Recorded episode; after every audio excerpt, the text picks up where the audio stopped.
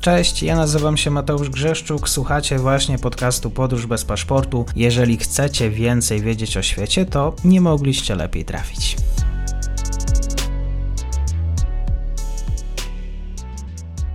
Dzień dobry wszystkim słuchaczom Podróży bez paszportu. Na początku też e, zachęcam do tego, żeby zasubskrybować ten kanał, żeby być z nami, e, bo relacjonujemy na bieżąco to, co dzieje się na wschodzie, ale również w innych regionach świata. Ze mną jest Bartosz Tesławski z portalu Na Wschodzie EU. Dzień dobry, bardzo mi miło. Dzień dobry panu, dzień dobry państwu.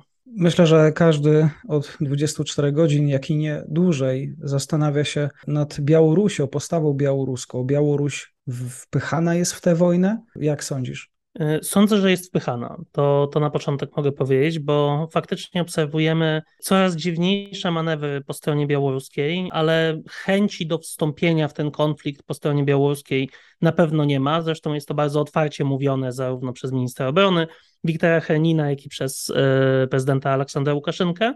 E, jasne są dawane sygnały, że nie są zainteresowani wchodzeniem w ten konflikt, ale też oczywiście co chwila tłumaczą, że po pierwsze Ukraina ich prowokuje, po drugie oni już teraz ostrzegają, że to, co się wydarzyło z odwetem za most krymski, przypomnijmy, dzisiaj od rana dochodzą do nas z Ukrainy informacje o tym, że e, strona rosyjska ostrzelała miasta e, ukraińskie i jasnym było, zresztą to później Władimir Putin potwierdził w swoim wystąpieniu, że jest to odwet za atak na most krymski. E, czyli most w ciśnienie karczeńskiej, e, że to, co się stało z tym od, od, odwetem rosyjskim, to będzie nic w porównaniu z tym, co się stanie, jeżeli choćby metr białoruskiej ziemi będzie zagrożony. E, więc mamy dość buńczuczne wypowiedzi ze strony białoruskiej, no i mamy też jakby bardziej jasne informacje o tym, że rzekomo ma zostać stwormułowana jakaś grupa bojowa czy, czy coś w, tym, w ten deseń, powiedzmy. Mhm. Bo dzisiaj około godziny 11 e, prezydent Łukaszenka miał się spotkać z przedstawicielami sektora wojskowego energetycznego. Tak, do takiego spotkania doszło. Tam zostało potwierdzone. Najpierw mieliśmy dużo mowy o tym, że e, Białoruś nie dopuści do podnoszenia cen. To jest jeden z podstawowych problemów, które teraz Białoruś ma. Tam E, co po niektórzy śmiali się z tego, że Białoruś zakazała inflacji i w ten sposób zamierza rozwiązać problem z inflacją, ale mają problem ze wzrostem cen, który ich dotyka, co zresztą nie powinno być dla nikogo, kto cokolwiek parał się ekonomią dziwne. I taki mały spoiler, prawdopodobnie zakazanie podnoszenia cen nie rozwiąże problemu braku, znaczy nie rozwiąże problemu rosnących cen, tak, ale to swoją drogą. A w tym temacie bezpieczeństwa tak faktycznie powtarzał o, e, powtarzał te zapewnienia o tym, że jakiekolwiek ataki na terytorium Białorusi spotkają się z odpowiedzią, e, że to będzie oczywiście bardzo groźna odpowiedź. E, wspomniał o tym, że jakimiś bliżej nieokreślonymi kanałami, zakładam, że to były w tym momencie albo kanały wywiadowcze, albo kanały rosyjskie, e, przyszła do niego informacja o jakoby przygotowaniu ze strony ukraińskiej ataku na terytorium Białorusi. Zresztą Tutaj e, Aleksander Łukaszenka mówił o tym też trochę szerzej i też sam tłumaczył, że on ma świadomość tego, że w sytuacji, w której Ukraińcy teraz walczą, otwieranie kolejnego frontu z punktu widzenia wojskowego nie ma sensu. Więc to nie jest tak, że, że Białoruś sobie z tego jakby nie zdaje sprawy, że państwo, które jest obecnie atakowane, raczej nie jest zainteresowane tym, żeby otwierać sobie kolejny front do, do walki. E, natomiast stwierdził, że no, takie plany zostały przygotowane, w związku z czym my musimy wziąć to pod uwagę. Zapewne chodziło mu o to, że jeżeli faktycznie takie plany uderzenia na mm, terytoria białoruskie powstały, to one musiały powstać po tym, jak po 24 lutego wiemy już niestety, że Białoruś uczestniczy w tym konflikcie i służy choćby za lotnisko dla, dla samolotów, dronów czy, czy y, wyrzutni rakietowych, które ostrzeliwują e, terytorium Ukrainy. No ale, co powtarzam zresztą u ciebie w podcaście już któryś raz, e, cały czas białoruskie wojsko nie weszło w ten konflikt bezpośrednio. E, więc tutaj mamy to lawirowanie, chociaż wydaje mi się, że ta przestrzeń lawirowania u Aleksandra Łukaszenki się z każdym dniem zmniejsza.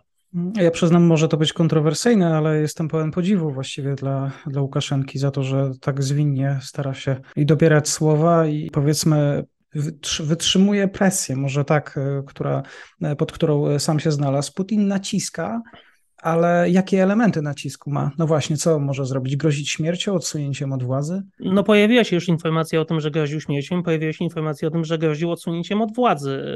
Możliwości nacisku na Białoruś Rosja zawsze miała dużo, a ostatnio ma ich jeszcze więcej, biorąc pod uwagę fakt, że od 2020 roku Białoruś znajduje się pod sankcjami dość ostrymi, mm, jeszcze w odpowiedzi za spacyfikowanie protestów 2020 roku.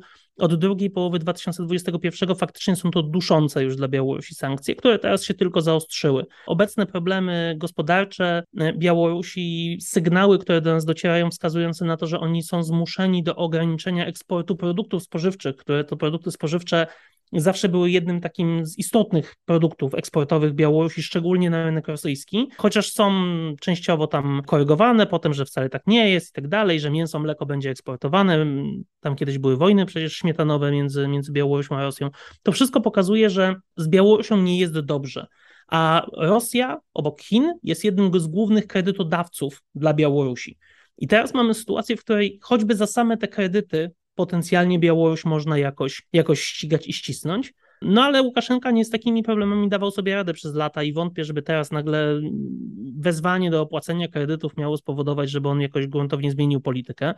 Tutaj największa obawa, wydaje mi się, e, ze strony Aleksandra Łukaszenki jest związana z tym, żeby jednak nie wpuścić więcej rosyjskiego wojska do siebie i pod żadnym pozorem nie doprowadzić do sytuacji, w której to, to rosyjskie wojsko będzie mogło z terytorium Białorusi operować tak, żeby móc ewentualnie zrobić coś jemu. To znaczy, z tego powodu tak bardzo niepokojąca jest dla mnie ta grupa bojowa, która się tam ma e, sformować. To znaczy, tutaj używam określenia grupa bojowa, chociaż się za Boga na tym nie znam, kompletnie nie mam pojęcia, czy to jest grupa bojowa, batalion, czy, czy, czy cokolwiek innego, bo, bo nie potrafię tego powtórzyć dokładnie nawet i pewnie walnę teraz jakieś głupstwo. Natomiast jakieś to sformowanie rosyjsko-białoruskie to jest niepokojące, ze względu na to, że jako, że to będzie sformowanie e, tego państwa związkowego Białorusi i Rosji, nie wiadomo, kto będzie miał tam dowództwo. A jeżeli to będzie dowództwo rosyjskie, no to domyślam się, że pierwszy rozkaz, jaki wyda dowódca rosyjski tym swoim białoruskim podkomendnym, to będzie, żeby właśnie wejść w kierunku Ukrainy. Mhm. Pytanie, czy będzie mógł to zrobić. Więc to są niepokojące sygnały i pokazują one właśnie, że ta przestrzeń do lawierowania się coraz bardziej prezydentowi Łukaszence kończy. Natomiast mimo wszystko ja cały czas wychodzę z założenia, że on ma możliwość jakiegoś sprzeciwiania się Władimir, Władimirowi Putinowi, no bo gdyby nie miał, to Białorusini literalnie weszliby w ten konflikt prawdopodobnie od 24 lutego z tragicznymi dla samej Białorusi skutkami. Czyli Łukaszenka idealna postać e, greckiej tragedii dzisiaj. E, nie wiadomo, e, bez wyjścia. Znaczy, ja bym go chyba aż tak bardzo nie, nie ocieplałbym mu tego wizerunku mimo wszystko, no bo pamiętajmy, że jest to jednak prezydent, który dziwnym trafem rządzi już praktycznie wiecznie. Ja nie miałem okazji poznać nikogo, kto rządził Białorusią poza Aleksandrem Łukaszenką. Nie, żebym jego osobiście też kiedyś spotkał. Mm, więc może to nie jest postać tragiczna, on się w tą tragedię troszeczkę sam zapędził. I na ten moment faktycznie ma problemy z tym, żeby z tego wyjść. Ja domyślam się, że Białoruś bardzo chciałaby próbować z tego wyjść i zakładam, że gdzieś tam mogą się pojawiać jakieś propozycje. Zresztą rzucone zostało takie hasło w tym podczas wystąpienia Jarosława Kaczyńskiego w Nowym Targu o tym, że rzekomo z Białorusią udało się porozumieć w sprawie tranzytu węgla, ponieważ tam linie kolejowe z, musieliśmy ten węgiel jakoś przyjąć do portu w Kłajpecie bodajże, czy, czy tam na Łotwie, no i trzeba było jakoś ten węgiel przetransportować. Linie kolejowe między państwami bałtyckimi a Polską są takie sobie, albo ich chyba nawet nie ma, w związku z czym najlepiej to było zrobić tranzytem przez Białoruś. I jakimś dziwnym trafem udało się to zrobić przez tranzytem przez Białoruś, z państwem, z którym formalnie rzecz biorąc mamy kontakty bardzo złe e, na poziomie charge d'affaires przecież, w związku z czym ja zakładam, że są jakieś sygnały, które strona białoruska by wysyłała, żeby się dogadać. Natomiast no, musimy zdawać sobie sprawę z tego, że takie credibility e, obecnie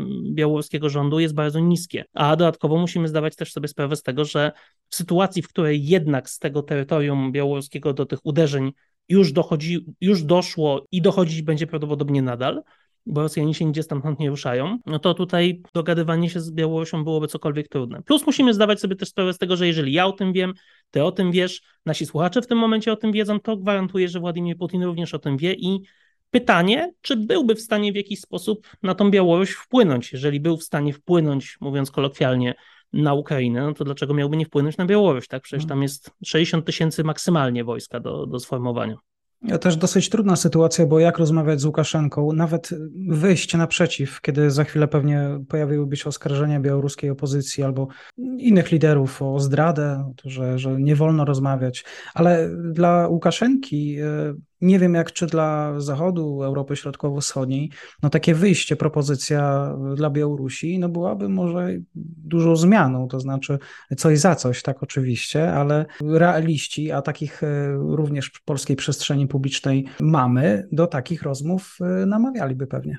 Zapewne tak, tylko musimy zdawać sobie sprawę z tego, że, znaczy, jeżeli chodzi o to, czy rozmawiać, yy, niedawno pojawiła się, w weekend pojawiła się informacja o tym, że notkę o mm, potencjalnym zagrożeniu ze strony Ukrainy, o tym przygotowywanym uderzeniu ze strony Ukrainy, na ręce dostał ambasador ukraiński w Białorusi. To znaczy, że Biało Ukraina, pomimo faktu, że formalnie została zaatakowana z tego terytorium i pomimo faktu, że formalnie to sprawia, że Białoruś jest stroną tego konfliktu. Ukraina nie zerwała z nią stosunków dyplomatycznych i utrzymuje je na poziomie ambasadora, co pokazuje, że jednak jakieś tam kanały komunikacji sobie nawet Ukraińcy zostawiają otwarte, więc jeżeli oni je zostawiają otwarte, no to być może my też moglibyśmy, tak? Jeżeli chodzi o kwestię mm, naszych relacji z białoruską opozycją, z jednej strony masz oczywiście rację, jest kwestia bycia przyzwoitym, ale jest kwestia bycia przyzwoitym, jest kwestia bycia skutecznym. Na ten moment, i tutaj zgadzam się w 100% z tym, co niedawno mówił Witold Jurasz w kontekście tekstu Dziennika Gazety Prawnej, gdzie pojawiła się ta informacja o tym właśnie grożeniu Łukaszence śmiercią, jeżeli nie włączy się w konflikt. I Witold Jurasz w swoim tekście i w swoim podcaście zadawał takie retoryczne pytanie, nie retoryczne, otwarte pytanie, czy powinniśmy zacząć rozmawiać z Białorusią. E, I on sam przedstawiał tutaj taki, taki, taki dylemat, że z jednej strony oczywiście stoimy przed kwestią białoruskiej opozycji, która na to wszystko patrzy i która może się poczuć oszukana, może zostać zdradzona przez Zachód, a my Polacy doskonale wiemy, co to znaczy. Natomiast z drugiej strony mamy tutaj do czynienia z kwestią praw człowieka, ale nie praw człowieka białoruskiej opozycji, tylko praw człowieka Ukraińców, którzy są zabijani w wyniku rosyjskiego ataku. Tak? I tutaj jest kwestia ważenia tych wszystkich kwestii. Więc ym, ja nie wiem, czy jestem realistą, bo y, łatwo jest być realistą wtedy, kiedy nikt nie ginie. Od czasu, kiedy w 2020 roku patrzyłem na to, jak ludzie ginęli na ulicach, od czasu, kiedy mm, teraz widzę, jak ludzie giną w ukraińskich miastach, jest mi coraz ciężej o realizm, e, bo nie umiem się wyabstrahować. To jest zresztą problem, który mamy już od jakiegoś czasu z, z całą polityką wschodnią, że nie, nie, jest mi ciężko podchodzić do tego na chłodno, mówiąc szczerze.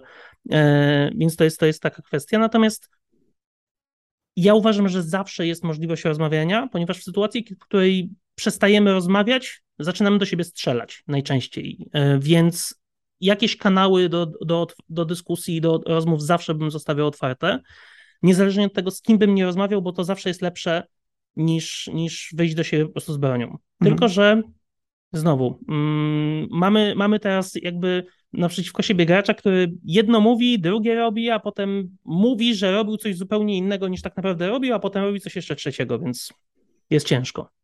Zwinny jest. Tak, dokładnie. Myślę, że ostatnio też na, na podcaście rozmawiałem z doktorem Andrzejem Szabaczukiem o sytuacji gospodarczej, tej cytując, katastrofalnej sytuacji gospodarczej Białorusi, więc też zachęcam słuchaczy do tego, żeby mogli, mogą sięgnąć do tego odcinka. No i może właśnie ta sytuacja gospodarcza skłoni Łukaszenkę do rozmów. Może ta gospodarka jest wyżej niż nazwijmy to, sojusz z Moskwą. Ja podejrzewam, że głównie gospodarka może go skłaniać do rozmów, tylko tutaj się pojawia pytanie, czy to raczej my będziemy chcieli z nim rozmawiać, tak? To jest, to jest otwarte pytanie, bo mam wrażenie, że Zachód reaguje trochę mniej elastycznie wbrew pozorom niż, niż Polska czy Litwa. To znaczy Litwa w szczególności tutaj akurat, jeżeli chodzi o kwestie z Białorusią, to Litwini mają fenomenalne wyczucie tego, jak z, z Mińskiem postępować. My nigdy nie mieliśmy tej litewskiej subtelności. E, natomiast wydaje mi się, że gdzieś tam w Unii Europejskiej pojawiło się już teraz takie, po tym co się wydarzyło w 2020 roku, przekroczony został jakiś Rubikon w relacjach Unia Europejska Białoruś. I ja mam takie wrażenie, że teraz przekonanie samej Unii Europejskiej, do jakiejś formy zmiany polityki byłoby niezwykle trudne. No i tutaj też pojawia się pytanie, czy y, bylibyśmy w stanie sobie pozwolić na to, żeby nie wylać dziecka z kąpielą, żeby poprowadzić to w taki sposób, żeby nie zrobiło się z tego wielka, wielki sukces dyplomacji, zanim my w ogóle cokolwiek podpiszemy. No i żeby to nie skończyło się tym, że Rosjanie jednak znajdą gdzieś te 60 tysięcy wojska, które mogą wjechać, zająć Mińsk i dojść do wniosku, że teraz oni już tu zarządzają, bo no bo tak, bo przecież Mińsk to jest historycznie rosyjskie miasto i cała Białoruś historycznie rosyjska i w ogóle tam mieszkają sami Rosjanie od, od Połocka aż po Nie?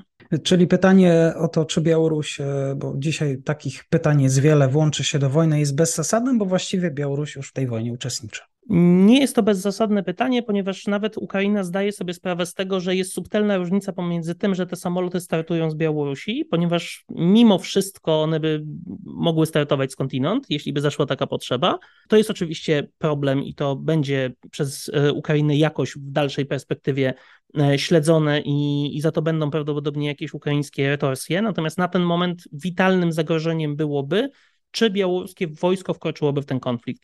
Mhm. Na ten moment patrzymy na południu Ukrainy na kontrofensywę ukraińską, która to kontrofensywa ukraińska się rozwija i ona realizuje kilka bardzo istotnych celów. Ona oprócz tego, że odbija te terytoria, które formalnie rzecz biorąc przecież Rosja anektowała, oni operują na terytoriach, które Rosja formalnie anektowała, w związku z czym, w związku z czym to już jest w ogóle absurd, to jeszcze dodatkowo Ukraińcy, czy to tym, znaczy tutaj, żeby nie było wątpliwości, e, nie ma żadnych dowodów na to, że to jest e, ukraińska akcja, tak, z tym mostem krymskim. Czy tym mostem krymskim, nomen omen w dniu urodzin Władimira Putina, czy atakami na kierunku hersońskim, czy na kierunku charkowskim, Ukraińcy pokazują, że oni się nie boją ewentualnego uderzenia nuklearnego, którym Władimir Putin przecież już zagroził, i nie boją się tej mobilizacji tych 300 tysięcy żołnierzy, którzy mają rzekomo trafić na, te, na ten front, którzy zresztą już podobno trafiają. Więc na ten moment ukraińska kontrofensywa poniża Władimira Putina. Robi coś, czego, czego Rosjanie w ogóle nienawidzą. Tak? Oni, się, oni są gotowi na wszystko, tylko nie na to, żeby się poniżyć. Więc y, punktując jakby te dziury w tej rosyjskiej, rosyjskiej obronie i tą słabość rosyjskiej armii w tym wszystkim, najlepsze, co by mogło się wydarzyć z punktu widzenia rosyjskiego, to by było odwiedzenie części chociaż ukraińskich wojsk, od tej kontrofensywy. I w tym momencie te wojska białoruskie, nawet jeżeli to nie będzie armia tak skuteczna jak e, ta rosyjska w pierwszym rzucie, no bo ta, co teraz będzie, to nie wiadomo właściwie, co tam się wytoczy z tych magazynów, ale ta rosyjska w pierwszym rzucie, nawet jeżeli to nie są bardzo zaprawieni w boje żołnierze, to po pierwsze prawdopodobnie nie mają rozkradzionego sprzętu, bo o Białorusi można wiele powiedzieć, ale to nie jest kraj tak przeżarty korupcją jak Federacja Rosyjska. No a po drugie, będziemy mieli jednak e, no, armię jakoś wyposażoną, jakoś ze sobą się komunikującą, no i jeżeli już by musiała wyjść, no to stanowiłaby realne jakieś zagrożenie na północy. Oczywiście nie są tak zmotywowani, a nawet mają gorsze morale niż Rosjanie, kiedy w ten konflikt wstępowali, no ale mimo wszystko Ukraińcy musieliby przesunąć chociaż część swoich wojsk na północ do bronienia tej północnej, nomen omen bardzo rozległej granicy białorusko-ukraińskiej. To mogłoby spowolnić tą kontrofensywę, a tego z pewnością y, Ukraina by nie chciała i to by było dla niej bardzo niekorzystne, więc to, że Białorusini jeszcze nie weszli, ani nie zapowiedzieli, że wchodzą, ani nie mamy sygnałów od wywiadu ukraińskiego, amerykańskiego, brytyjskiego, że przygotowują się do wejścia, to jest wciąż dużo. E, no w tym zgrupowaniu tego państwa związkowego, podobno samych Rosjan, ma być chyba tysiąc żołnierzy, w związku z czym też jeszcze bym nie wpadał w panikę. Tak, dzisiaj Białorusini też mieli narzekać, nie wiem czy dzisiaj, ale na to, że Ukraińcy zaminowali całą granicę e, ukraińsko-białoruską. Tak, zaminowali granicę to już jakiś czas temu, o tym mówili, postawili tam 15 tysięcy żołnierza podobno, chociaż to podobno jest, są żołnierze tej, tej obrony terytorialnej ukraińskiej. Mhm. No, chociaż ta obrona terytorialna broniła Kijowa, w związku z czym to nie jest taka, taka te wojska obrony terytorialnej nie są takie jakieś tam fatalne. E, no i też e, na pewno robią umocnienia, no ale z drugiej strony no czego się spodziewać, tak? W sensie mamy granicę, która nawet przez długi czas nie była, nie, nie, została jasno wyznaczona. To jest granica, która częściowo jest oczywiście kompletnie nieprzejezdna ze względu na to, że tam są błota polskie, więc tam w żaden sposób się nie da przez to przejechać nawet człowiekiem, a co dopiero czołgiem. Natomiast no mamy ewidentnie na północy partnera, od którego możemy się spodziewać raczej ataku, aniżeli dostarczenia nam, jak to swego czasu Łukaszenka zapowiadał, że on jest gotowy do Kijowa pojechać tylko na traktorze, pomóc w żniwach czy tam w zasiewach. E, w związku z czym no, sytuacja się mocno zmieniła. Ja się nie dziwię w żaden sposób Ukrainie, że ona się przygotowuje do obrony. Zresztą mam nieodparte wrażenie, że sami Białorusini też się w żaden sposób nie dziwią. E, no ale wciąż nie mamy przesłanek do tego, żeby stwierdzać, że Białorusini w ten konflikt wstąpią. E, jeżeli chodzi o jakąkolwiek prowokację, wiadomym jest, że jesteśmy w stanie, że znaczy my, wiadomym jest, że ta prowokacja się pojawi w sekundę, tak? Jeżeli zajdzie potrzeba, no to będzie informacja, a dostałem informację o tym, że tam um, będą uderzali na Homel, więc my uderzamy wyprzedzająco. Nikt tego nigdy nie sprawdzi, nie potwierdzi. Zachód i tak nałoży sankcje, a Rosja powie, że w świętej wojnie narodu rosyjskiego bracia Białorusini teraz uczestniczą. Ja zresztą mam alergię na słowo bracia za każdym razem, kiedy Rosjanie używają tego określenia bracia w stosunku do jakiegokolwiek narodu, to współczuję temu narodowi już automatycznie. Na ten moment nie jest, nie jest tragicznie, ale mam takie nieodparte wrażenie, że z każdym miesiącem będzie tylko gorzej. Będzie tylko gorzej, bo Białoruś, mowa o Białorusi, o której tak. powtarzasz, mało wiemy. Mało wiemy przede wszystkim i też mało znamy naszych sąsiadów. Drodzy Państwo, drodzy słuchacze, dwie prace domowe na, na zakończenie. Zachęcam do subskrypcji kanału oraz odwiedzi na wschodzie EU. Tam więcej materiałów o tym właśnie, co na wschodzie. Bartosz Tesławski dzisiaj gościem. Bardzo dziękuję. Wielkie dzięki. I to już koniec na dzisiaj. Zapraszam na profil podcastu Podróż bez paszportu na Facebooku, Instagramie i Twitterze. Zachęcam też do wsparcia mojej pracy na serwisie Patronite oraz Buy Coffee. Do usłyszenia.